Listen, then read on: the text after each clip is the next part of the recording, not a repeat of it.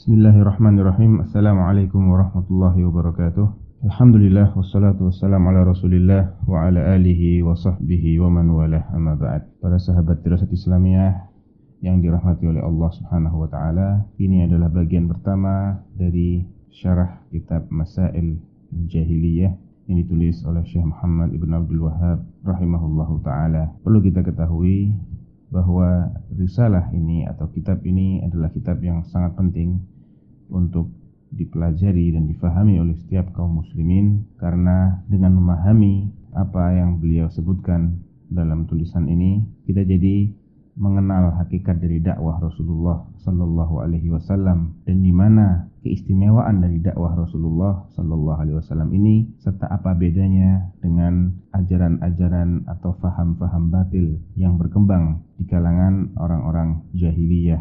Oleh karenanya dalam mukaddimah kitabnya Syekh rahimahullah mengatakan hadhihi masail khalafa fiha Rasulullah sallallahu alaihi wasallam ahlal jahiliyah al-kitabiyyin wal ummiyin. Ini adalah sejumlah masalah di mana Rasulullah SAW menjadikannya sebagai titik perselisihan antara beliau dengan orang-orang ahlul kitab, Yahudi, Nasara maupun orang-orang ummi. Yang dimaksud dengan orang-orang ummi di sini adalah orang Arab yang tidak memiliki kitab suci, orang-orang jahiliyah. Mereka semuanya tergolong kaum jahiliyah. Mimma la lil muslimi an ma'rifatiha. Di mana setiap muslim harus mengetahui masalah-masalah tersebut. Karena apa? Ayol ikhwah, karena kebenaran tidak akan bisa difahami hakikatnya kecuali bila kita memahami hakikat dari lawan kebenaran itu. Fadziddu yudhiru husnahu dziddu wa bididdiha tatabayyanul asya.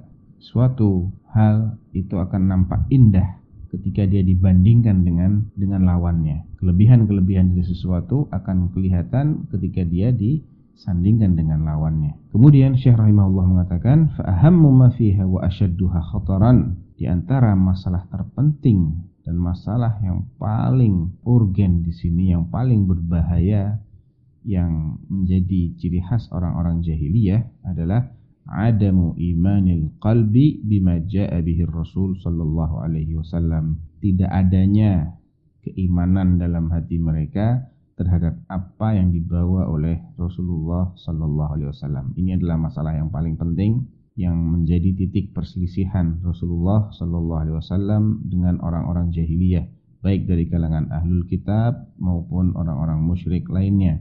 Beliau mengatakan, in dhafa ila dzalika istihsan ma alaihi ahlul jahiliyah tammatil khasarah. Apabila di samping tidak adanya keimanan dalam hati mereka terhadap ajaran yang dibawa oleh Rasulullah Shallallahu Alaihi Wasallam tadi, ditambahkan pula dengan adanya anggapan baik terhadap perilaku atau keyakinan orang-orang jahiliyah, maka lengkaplah kerugian mereka. Jadi, bila mana pada seseorang terkumpul dua hal, tidak adanya keimanan kepada Rasulullah dalam hatinya, tidak ada keimanan terhadap apa yang diajarkan oleh Rasulullah dan adanya anggapan baik terhadap kebiasaan atau tradisi jahiliyah, maka lengkaplah kerugian orang tersebut. Kama qala ta'ala sebagaimana firman Allah, "Walladzina amanu bil batili wa kafaru billah ulaika humul khasirun." Adapun mereka orang-orang yang beriman kepada kebatilan dan kafir kepada Allah merekalah orang-orang yang benar-benar merugi.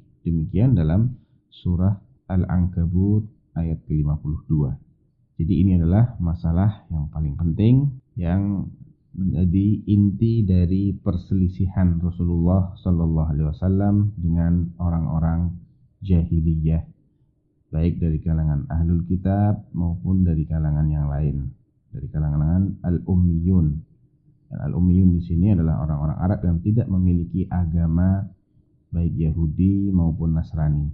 Mereka dianggap ummi karena rata-rata dari mereka tidak bisa membaca, tidak bisa menulis. Dan mereka tidak mengikuti kitab tertentu yang Allah turunkan sebelum turunnya Al-Quranul Karim.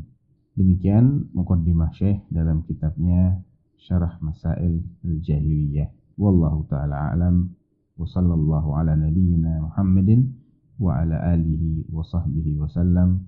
والسلام عليكم ورحمة الله وبركاته.